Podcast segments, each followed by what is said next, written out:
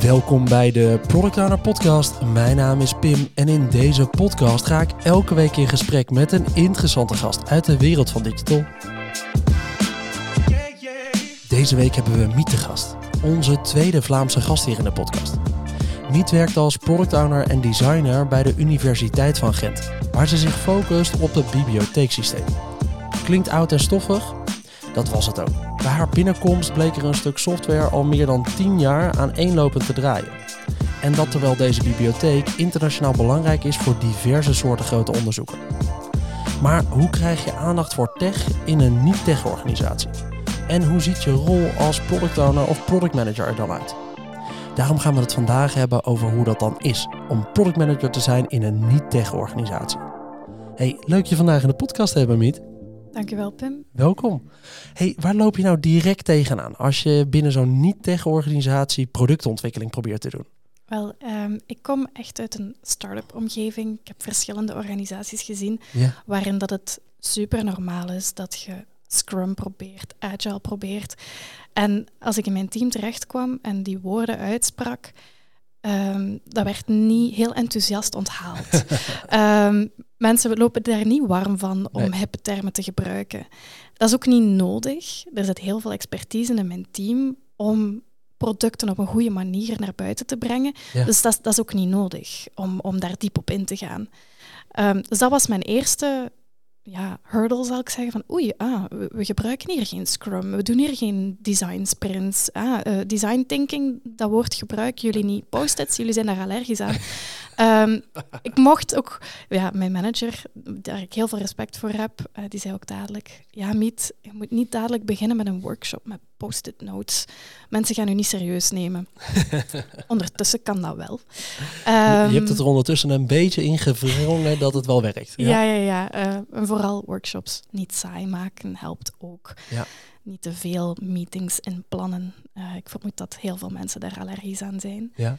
Ehm, ja, de organisa- organisatie waar dat ik in zit, die bestaat al heel erg lang. En deze universiteit, ja, die is er al meer dan 200 jaar. Je kunt niet verwachten dat eh, daar geen legacy in de werking al zit. Eh. Niet alleen in de code, want zoals je daarnet ook al zei, software die meer dan 10 jaar bestaat, producten die we al 20 jaar in huis hebben, Ja. waar dat nauwelijks of weinig updates aan gebeurd zijn.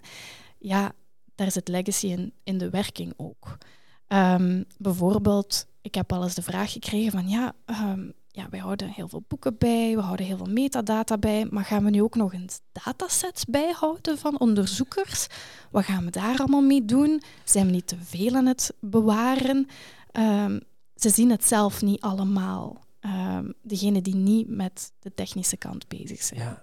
Ah, dat is natuurlijk wel grappig. Ja, bij jullie ligt de, uiteindelijk de, de reden om dingen te doen op zo'n andere plek dan bij een tech-organisatie van start-up die net begint. Die willen gewoon snel schalen voor veel mensen, veel beschikbaar hebben. En bij jullie draait het erom dat als je nu iets maakt, het over 40 jaar niet verloren raakt, maar dat het gewoon nog steeds beschikbaar blijft. Ja, exact. Cool. Dan gaan we zo meteen even veel verder induiken. Ik vind het leuk om eventjes een klein stukje persoonlijk eh, eh, van jou te behandelen en even misschien wat meer uit te leggen over de Universiteit van Gent, wat daar nou gebeurt. Jouw eigen achtergrond is grafisch. Ja, ja. Nu ben je eigenlijk meer richting productontwikkeling gegaan. Waarom hebben jullie die stap gemaakt? Hoe ziet dat eruit? ja. Ehm, ik heb eigenlijk in mijn studies Le Kraak gekozen van, ah, ik ga dit dan maar doen. Eh, dat was gelukkig een, een schot in de roos, grafisch ontwerp. Maar ik merkte dat mijn liefde echt wel bij het internet lag. Ehm, dat is voor mij een, een plaats van mogelijkheden, unicorns en rainbows. Ehm, dus ik ben tijdens mijn opleiding ook al heel snel beginnen focussen op hoe kan ik digitale interessante ervaringen maken. Mijn leerkrachten eh, of mijn docenten waren daar niet altijd even enthousiast over, omdat, maar ja, Miet, wij maken hier boeken. Ja. Wij doen hier boekvormgeving, dus dan had ik zoiets van, oké, dan bouw ik een applicatie in boekvorm. Ehm, zodat ik dan ineens kon ontdekken van, ja, hoe kan je ehm, interessante ervaringen maken die lijken op ervaringen in de echte wereld. Bijvoorbeeld, eh, hoe werkt een knop? Hoe zou je daar dan een vertaling maken met je muis? Nu, ja, dat is al 14 Ja. jaar geleden of langer, ik weet het al niet meer. Ehm, en dan merkte ik ook, ja, ik kwam de markt op. Ehm, toen lag mijn focus nogal op identiteit maken Ja. voor Branding. branding, logo's. eh, ja, dat is een zeer harde wereld. Eh, je moet super goed zijn in je job. En je wordt onderbetaald, want het is toch je hobby. Hè? Ja. Dus op zich was dat wel leuk om te doen. Maar ik merkte, ja, die, die, die eh, liefde voor het internet, die bleef als rode draad bestaan. Ehm, dan ging ik naar een, een TED, TED XU Hasselt, Ja. uh, de Universiteit van Hasselt, een, een, TED-talk bijwonen. En um, dat waren een, een, een boel enthousiaste rebellen die zeiden, oké, okay, wij hebben hier een boel data van de NMBS, onze uh, ja, de Belgische treinwerking. Ja, okay, ja, de, de uh, Nederlandse spoorwegen, ja, de maar dan in België. Ja, check. We hebben hier een boel data. En um, we hebben die gescraped. We hebben die basically gestolen. Um. Ze zijn er ook voor aangeklaagd. Maar goed, maar zij hadden zoiets van nee, dit is publieke data die online beschikbaar moet zijn voor de wereld. Ja. Op het internet, want daar creëer je mogelijkheden. Toen ik dat zag, had ik zoiets van dit is het. Ik Dat wil, cool. ik wil data beschikbaar maken voor de wereld. Ja. Ik ben naar die mensen toegewandeld en gezegd, uw branding trekt op niks. Laat me die maken. Ehm, laat me mee uw applicatie bouwen. En dan ben ik daar stilletjes ingerold van, ah, goed, we hebben die combinatie van identiteit creëren, van kennis naar buiten brengen, data te verspreiden. En ben ik zachtjes in uh, het bouwen van applicaties gerold. Um, die rebellen die hadden ook een superconcept. Open Summer of Code heette dat. Ja. Um, ze waren deel van Open Knowledge Belgium. Dat is uh, ja, een VZ2 in België. Waar, die, is er, die is er trouwens ook in Nederland. Dat is eigenlijk een, een heel internationaal netwerk. Ja. Um, en die hun focus lag op ja, open, open source. Open data, kennisdeling. Kennisdeling, ja. Uh, nu, dat was een zomerschool, Open Summer of Code heette dat. Um, elk jaar in juli ging dat door. Dat is het eerste jaar in lange tijd dat het niet doorgaat, maar als je dat opzoekt, super interessant. Um, en daar zorgden we ervoor dat we bedrijven zochten die snel iets wilden ontwikkelen, Ja. snel iets wilden bouwen.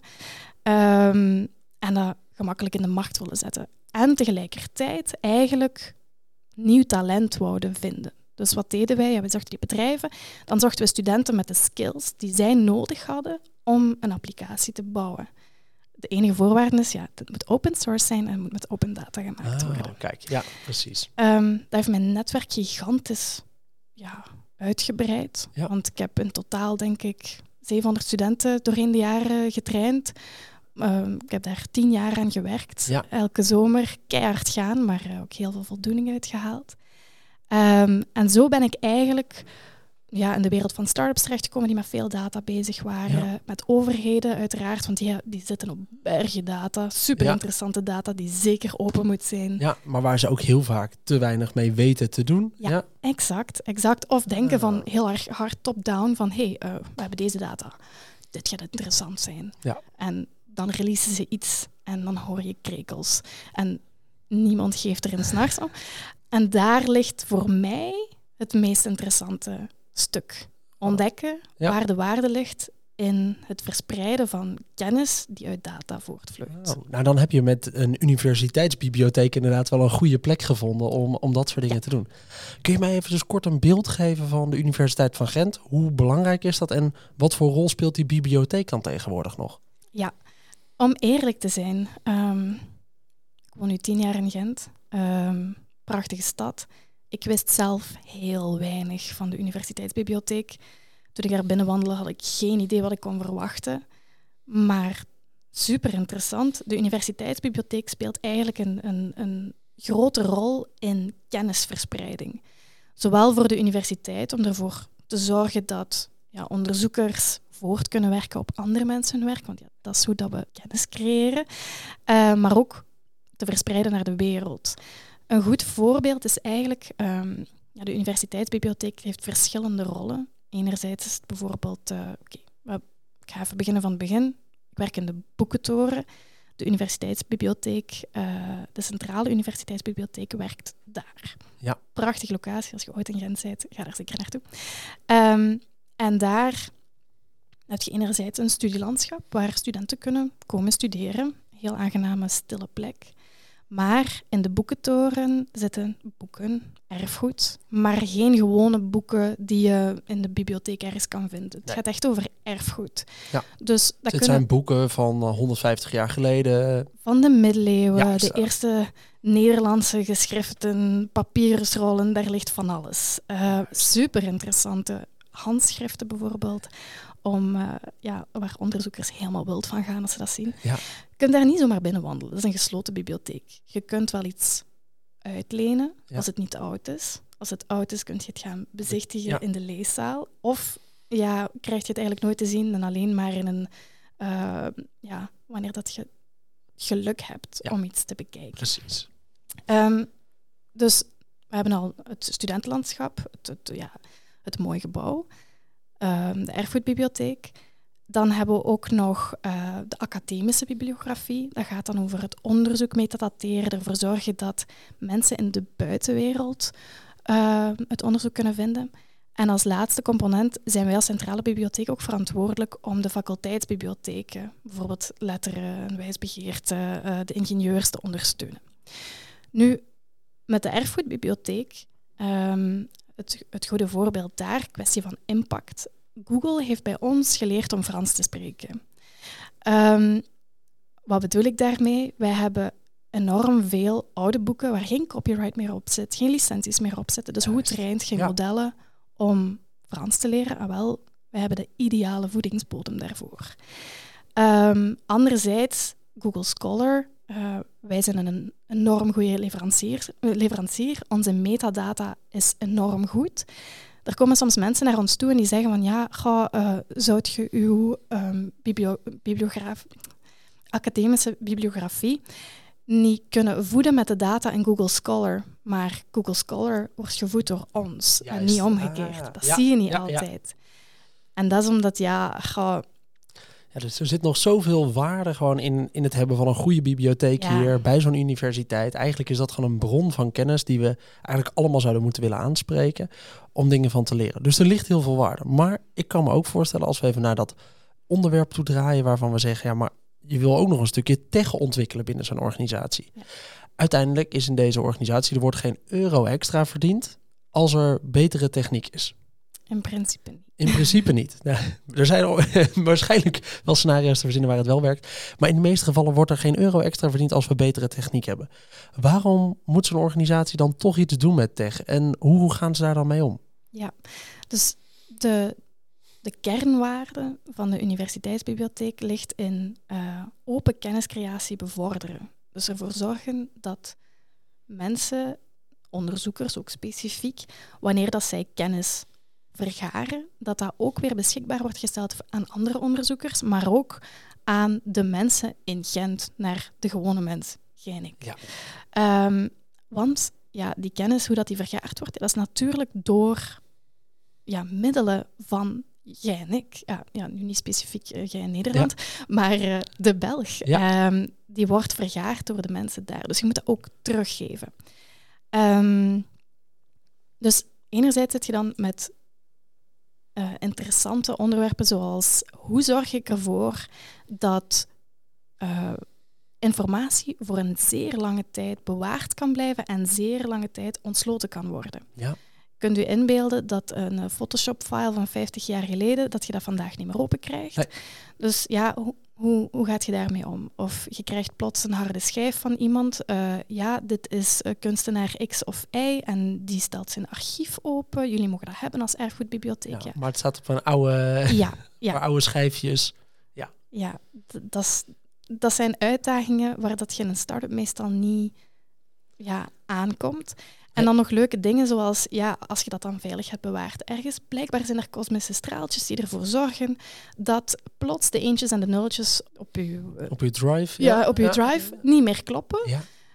en je kunt het niet meer lezen. Van die uitdagingen kom je dan plots Juist. tegen. Het draait allemaal om lange termijnwaarde Ja. in plaats van zo snel mogelijk iets cools leveren en uitrollen. Ja, ik probeer dat duurzame innovatie te noemen, want als wij te snel gaan, dan zijn we al voorbijgestreefd. Dus als je gaat kijken naar onze academische bibliografie, daar, die, die bestond al tien jaar. We waren daar echt vooruitstrevend, tien jaar geleden. Maar als jij de eerste bent, ja, dan zit je daar met legacy. Ja. Ehm, we verdeelden die technologie ook, anderen konden daar gebruik van maken. Maar plots zit je dan weer achterhaald na tien jaar. En dan krijg je vereisten waar dat je niet meer aan kunt voldoen, omdat je technologie gewoon te oud is, niet, niet wendbaar genoeg. Dus je moet net op het juiste moment inhaken Ja. op betrouwbare technologie die jaren meegaat. Ja. Want je kunt het niet opnieuw en opnieuw en opnieuw bouwen. Is het veel custom dingen die jullie bouwen of zijn dit wel producten die je inkoopt? Dat hangt ervan af. Ehm, dus bijvoorbeeld voor de logistiek, en daarmee bedoel ik het uitlenen van boeken Ja. eh, die in onze doren zitten. Of ja, eigenlijk zitten Dat ze vooral onder de ja. grond. Maar goed, ehm, dat is software die je niet zelf wilt schrijven. Nee. Dat, kent, dat kent de buitenwereld. Ja. Dat is geen, geen, Dat is geen bijzonder iets, Nee. alleen wat hier gebeurt. dat is geen probleem wat, dat je, wat dat je opnieuw wilt oplossen. Nu, we zitten daar met technologie die 20 jaar oud is. Ja. Dus nu moeten we de markt terug opgaan, zien welke applicaties het meest bij ons aansluiten en waar dat we zo weinig mogelijk zelf moeten ontwikkelen. Want Onze huidige werking, onze huidige logistiek draait dan ja, op één stuk software, maar we hebben daar, je wilt niet weten hoeveel extra ontwikkelwerk aan. Ja. Eh, en als één ding plat gaat, ligt alles plat. En dat kan niet in een universiteitsbibliotheek. Nee. Ehm, we, we, we mogen de wereld nooit stoppen. Er is een verantwoordelijkheid die wij hebben die ja, over de jaren heen doorloopt. Je kunt niet zomaar een pivot doen, Ja. zoals in een start-up. Ehm, dus maar wanneer bouwen we het wel zelf? Onze academische bibliografie, daar zou je van zeggen, ja, dat is toch ook een opgelost probleem. Maar daar zitten we met onze kernwaarden. Open kenniscreatie bevorderen, hergebruik verspreiden. En als je daar in pakketten stapt, die ja, uitgegeven worden door grote uitgevers, Ja. plots zitten die op uw data. Uw data is niet meer van u en je Ja. mocht daar niet meer mee doen wat dat je daarmee wilt.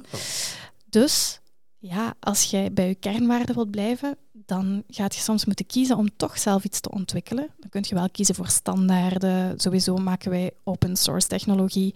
Zorgen we dat we integreren met andere databronnen op een duurzame manier. Ja. Maar we gaan daar geen applicatie voor bouwen. Dus het is telkens een afweging. Wat ligt er dicht nou in je hart? Wat is er belangrijk? Ja. En hoe, hoe ver gaat je in het bouwen? Juist. Een zeer leuke balans. Oh, dat snap ik wel. Dat is wel een bijzonder. Maar ja, bijvoorbeeld jouw, eh, jouw stakeholders, ja, de mensen waar, die op jou rekenen, waarvoor je moet leveren, maar ook je gebruikers, die hebben in andere, op andere plekken zijn ze toch gewend om te kunnen shoppen bij Amazon. En dat gaat allemaal heel makkelijk. En ergens anders kunnen ze iets heel simpel doen. En ze zijn gewend dat hun bank alles online is. Maar bij de bibliotheek is vaak nog niet alles dan gemoderniseerd. Dus die verwachtingen die zijn misschien wel heel anders. Hoe, ziet jouw, hoe zien jouw stakeholders uit en hoe zorg je nou toch dat dat ook klopt met de verwachting van die stakeholders wat je bouwt? We zitten met verschillende types stakeholders. Ik ga nu even inzoomen op die van de academische bi- bibliografie. Ja. Ehm, we hebben partners waar dat we mee samenwerken. Daar rekenen ze er bijvoorbeeld op dat wij onze metadata ontsluiten op een bepaalde, stand, op een bepaalde standaard, Ja. zodat zij daar gemakkelijk op kunnen inhaken. Wat is voor jullie metadata? Even dus kort. Ehm, metadata is bijvoorbeeld een omschrijving van onderzoeksoutput. Dat kan een publicatie zijn of een dataset. Ehm, wat voor een type is dat? Eh, welke auteurs hangen daar allemaal aan vast? Ja. Eh, de abstract ervan, van Juist. die dingen. Ja. Dus ja, we hebben leveranciers binnen de, universiteit, binnen de universiteit, maar ook daarbuiten, die met onze data van alles doen. Ehm, die ervoor zorgen dat onze kennis verspreid wordt. Dus daar mogen we echt niet zomaar afwijken. Als er daar iets fout loopt, dan ja, Ja. ehm, daar gaan veel meetings aan.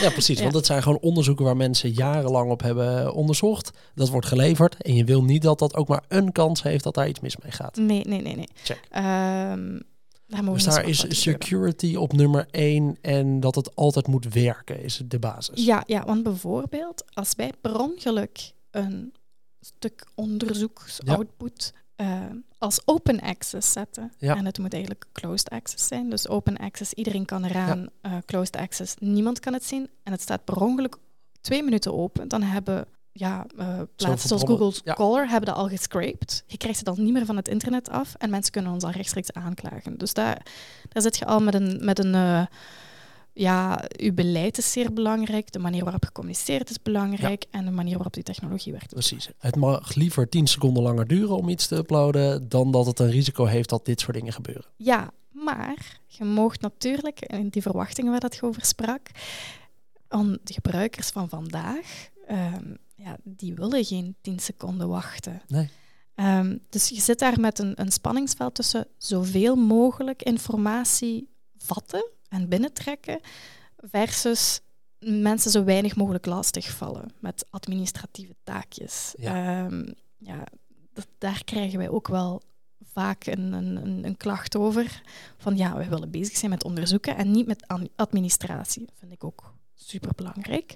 Dus daar zet ik enorm hard op in. Dat is, mijn, uh, dat is mijn doel van dit jaar, administratieve vereenvoudiging. Eigenlijk denk ik dat dat doorlopend zo zal zijn in mijn carrière daar.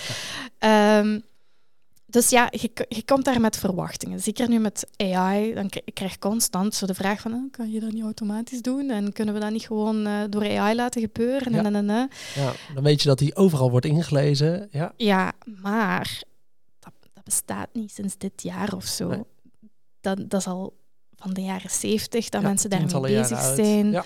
Ehm, dat, is, dat is niet nieuw. We weten al welke problemen dat eraan vasthangen. Waar dat bij ons bijvoorbeeld de, de winst ligt, is eerder in bestaande informatie vinden en die terug beschikbaar maken en mensen laten verifiëren van is dit van jou, Ehm, wat ontbreekt er nog, is er iets fout en dan. Ja. Niet met, ja, wil zelfs niet weten hoeveel velden er in ons formulier momenteel zit om zelfs een publicatie maar te registreren. Ik word er zelf ongemakkelijk van. Daar wil je mensen niet mee lastigvallen. Je wilt mensen lastigvallen met de inhoud, Ja. waar dat zij ook controle over hebben, waar dat zij goesting in hebben, waar dat zij waarden in vinden. Namelijk, ja, een onderzoeker vindt het top dat, ja, als ze een vanity search doen op Google, ja, onze bibli- academische bibliografie staat bovenaan. Juist. Daar Rechtstreeks alles. Ja. Ehm, we zijn daar super goed in, maar we willen die niet lastigvallen met vragen zoals maar hoeveel pagina's is dat nu eigenlijk? dat, zijn, dat zijn problemen voor ons. Die administratie, dat moet bij ons liggen. Dus dat, is, dat is, dat is wel grappig. ja, ja. Hoe is jouw rol? Want ja, je zei het al eventjes helemaal in het begin voor zo'n team is beginnen met wo- woorden als Scrum, Agile, Design Sprints. Ik ben een product owner, geen product manager of juist andersom. Mhm. Dat maakt het voor hun eigenlijk alleen maar irritanter, want zij weten gewoon, nou dit is wat we moeten doen, dit is wat we kunnen. Laten we het allemaal niet complexer maken dan, eh, dan dit soort zaken. Hoe is het dan toch om zo'n rol te hebben in zo'n organisatie? Eigenlijk verfrissend. Ehm, ik vind het heel aangenaam om in dat team te stappen en te zien welke skills heeft iedereen, hoe denken zij na. En je hoeft niet noodzakelijk binnen uw, uw kotje te Ja. blijven. Ehm, dus ik ben niet alleen verantwoordelijk voor een goed design of eh, een, een, een goede definitie te maken van welke feature gaan we nu bouwen en voor wie. Ik word uitgedaagd en omgekeerd ook. Daar is ruimte voor. Je Ja. zit natuurlijk in een universiteitscontext. Dat is synoniem aan kritisch zijn, nadenken, onderzoek doen, experimenteren en opnieuw zien hoe, de, hoe gaan we dat aanpakken. Ehm, dus in het begin vond ik dat zeer verwarrend van hoe ik, ik mag hier geen design sprints maken en ik Nee. kan niet samen bepalen wat dat, welke feature er nu gebouwd gaat worden. Hoe, eh, we hebben een doel gezet over drie maanden en we gaan dat nu niet doen. Ja. Ehm, dat, is, dat, is- dat is een samenwerking. Ja. En het is niet, eh, ja, dat klinkt nu alsof dat we niets gedaan krijgen, maar ik heb er net de rust in, omdat wij echt wel veel shippen. We doen veel nuttige dingen. Nu, wat doe ik voor mijn team? Als ik een vraag, waar kan ik u eigenlijk het meest mee helpen? Waar eh, is mijn rol het meest waardevol? Is dat eigenlijk samen met alle stakeholders, en dan bedoel ik onze eindgebruikers, maar ook mensen die onze data hergebruiken, met de business, kijken waar gaan we naartoe en hoe gaan we dat doen. Ehm, bijvoorbeeld, ja, hebben zij die feature wel echt nodig? Of waar ligt het echte probleem? Precies, je moet ze met name helpen om niet elke feature request aan te nemen voor dit gaan we doen, maar Ja. gewoon echt goed uit te dokteren. Is dit dan precies wat we nodig hebben? Wat is dan de kern daarvan?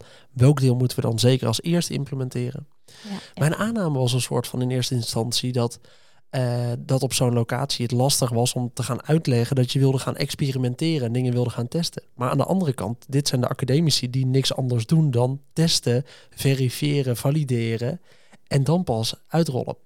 Dus dat, dat krijg je misschien juist wel heel goed uitgelegd daar. Dat je sommige dingen niet gewoon wil gaan bouwen, wil vallen voor een water, watervalmodel. Waarbij je drie maanden, of drie maanden bouwt, of misschien wel drie jaar bouwt. Het levert en dan zegt, dit is het. Ja, Lukt dat? Daar, daar is wel een spanningsveld natuurlijk. Hangt er vanaf met wie dat gebabbelt. Binnen mijn team is dat geen probleem. Ehm, maar als ik dan bijvoorbeeld met andere diensten praat, uh, ja, ik heb je al uitgelegd, er zijn al vier verschillende, zeer verschillende componenten alleen in ons gebouw al terug te vinden. Ja, dan, dan vraag, stellen ze zich soms de vraag van, ja, maar hoe... Uh, je hebt nu net een nieuwe versie van onze, van onze biblio ja. geshipped.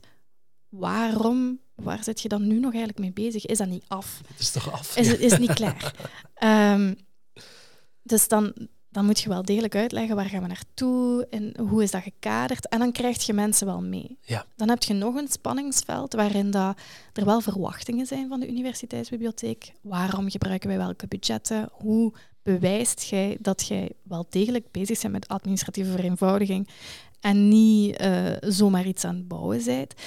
Ja, kunnen we dat niet oplossen met AI? Kunnen we dat niet op deze manier doen? Ja. Uh, shiny new thing. Uh, en dan moet je dat ook weer kunnen verdedigen, vertragen, rustig maken en weer verder gaan. Dus daar is wel een spanningsveld. Kijk, en dat, dat spanningsveld is er met name dus dat aan de ene kant heb je een groep mensen die zegt we willen heel snel gaan, we willen de mooiste nieuwe dingen. En de ander die snapt eigenlijk niet dat als je iets hebt opgeleverd, het nog niet per se af is. Ja, ja, ja. Cool ik vind het leuk om dit wat beter te snappen. Ik heb deze aflevering echt wel wat geleerd over hoe dat nou eigenlijk is als je product owner of product manager bent in een organisatie die helemaal niet gericht is op tech. Mhm. Want er zijn echt wel een hoop dingen anders. Het gaat niet meer om zo snel mogelijk iets leveren en dan snel testen bij klanten, kijken wat je dan voor elkaar krijgt. En ja, over de drie jaar hoe de wereld er dan uitziet, ach, dat maakt ons niet zoveel uit. Het draait er in dit geval allemaal om hoe ziet de wereld er juist uit over twintig jaar. En als we nu iets doen, is het dan over twintig jaar ook nog steeds net zo waardevol. En het zorgen dat onderzoekers hun werk op de juiste manier kunnen doen en dat data op een goede manier wordt gedeeld. Voor mij echt wel een paar leuke insights die, eh, die ik hieruit kan halen. Ehm, voordat we doorgaan naar de grote lessen van deze aflevering, vind ik het altijd leuk om eventjes te vragen waar je zelf eigenlijk nog van leert. Want ja, we zijn hier wel kennis aan het delen. Waar leer jij zelf op het moment nog van? Ja, eigenlijk, ik ga inpikken op iets wat je zojuist zei en ook koppelen met wat ik nu allemaal aan het leren ben. Um, wij moeten nog steeds experimenteren. Uh, soms een feature naar buiten brengen. Wij, wij doen user testing, we gaan het veld in, uh, vragen actief om feedback. En liefst de strengste, vervelendste mensen, die zie ik het liefst. Uh, want die zeggen nu, die vertellen nu de waarheid. Ja.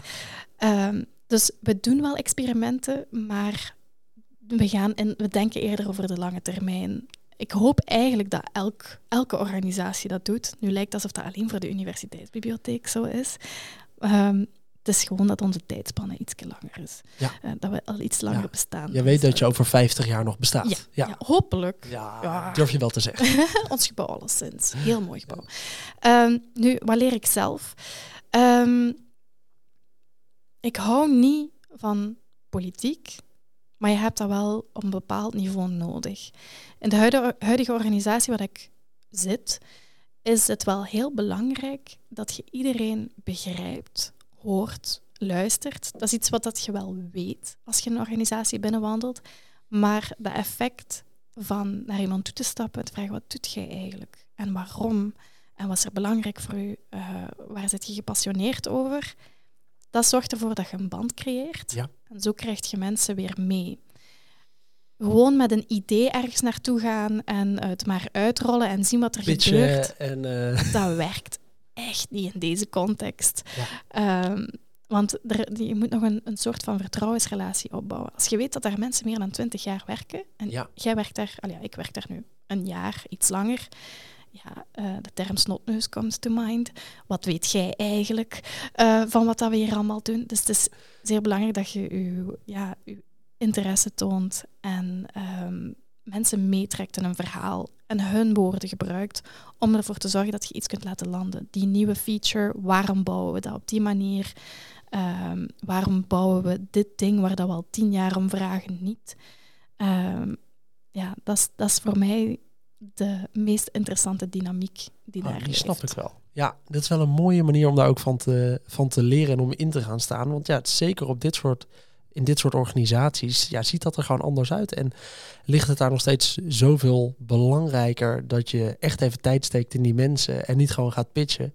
Wat inderdaad misschien sowieso wel een goede algemene les is. Mhm. Want soms hebben we gewoon de neiging om te zeggen, hey gebruiker, ehm, je gaat nu dit proberen. Ja. Ja, maar eh, waarom? Maar ik had toch hierom gevraagd? Ja, maar voor ons is dit belangrijker. Oké. Ja, en de, de, de impact als je in een, in een start-up zit met een runway van zes maanden of zo, Ja. betekent dat ze meestal gewoon naar een concurrent gaan. De impact in de universiteit, dat, dan komt er shadow IT. Ja. En dat is iets waar dat mijn haren recht van gaan staan. Ja. Een voorbeeld daarvan is, ja, oké, we hebben de we hebben Biblio gebouwd en ik ontdek dat een faculteit een equivalent heeft gebouwd in SharePoint. Voordat ze het bij ons in de academische bibliografie stoppen, stoppen ze het eerst in SharePoint, allemaal, en dan nog eens bij ons. Ja. Dan zit er iets fout. Hè? Dan hebben mensen niet geluisterd, dan, dan, dan is er ergens iets... Het werkt niet, Ja. dus we bouwen het zelf wel. En dan krijg je ook, ik, vind Ja, ik ken en- de term niet, maar shadow IT is misschien wel de mooiste daarvoor. Ja, Ja, ja, en dat is belastingsgeld wat dat weggesmeten wordt. Dat zijn subsidies die je niet wilt zien verdwijnen naar Ja. van die dingen. Dus eh, dat, dat, dat vind ik nu het meest interessante om te zien. Ja, mensen hebben een doel. Ze willen van A naar B. Uw dienst is daar misschien een, een, een fractie van. Dus je moet heel goed kijken naar ja, hoe geraken die mensen daar eigenlijk? Welke andere software raken ze ondertussen aan om daar te geraken? En wat is onze core? Hoe zorgen we ervoor dat wij die hele nood kunnen dekken? Ehm, en als we die niet kunnen dekken, hoe zorgen we dat we goed integreren met andere plaatsen of goed doorverwijzen? Dat is voor mij de leukste uitdaging in de bibliotheek. Echt je waarde kennen in die value chain van zo'n gebruiker. Ja. Mooi. Laten we naar de grote lessen toe gaan. Ehm, als mensen naar deze aflevering hebben geluisterd en eens eventjes wat meer hebben gehoord over hoe het eigenlijk is om product owner of product manager te zijn in een organisatie die helemaal niet gestuurd is op tech. Ehm, wat is dan de tip die je mensen wil meegeven? Wat kunnen wij nou als PO's die misschien wel in andere organisaties zitten hiervan leren? Ehm, voor mij, de grootste takeaway van in de universiteitsbibliotheek te werken, is echt kijken naar, oké, wat zijn onze kernwaarden? Wat verwacht ons publiek van ons? En hoe kunnen we daar geraken met de mensen die we aan boord hebben?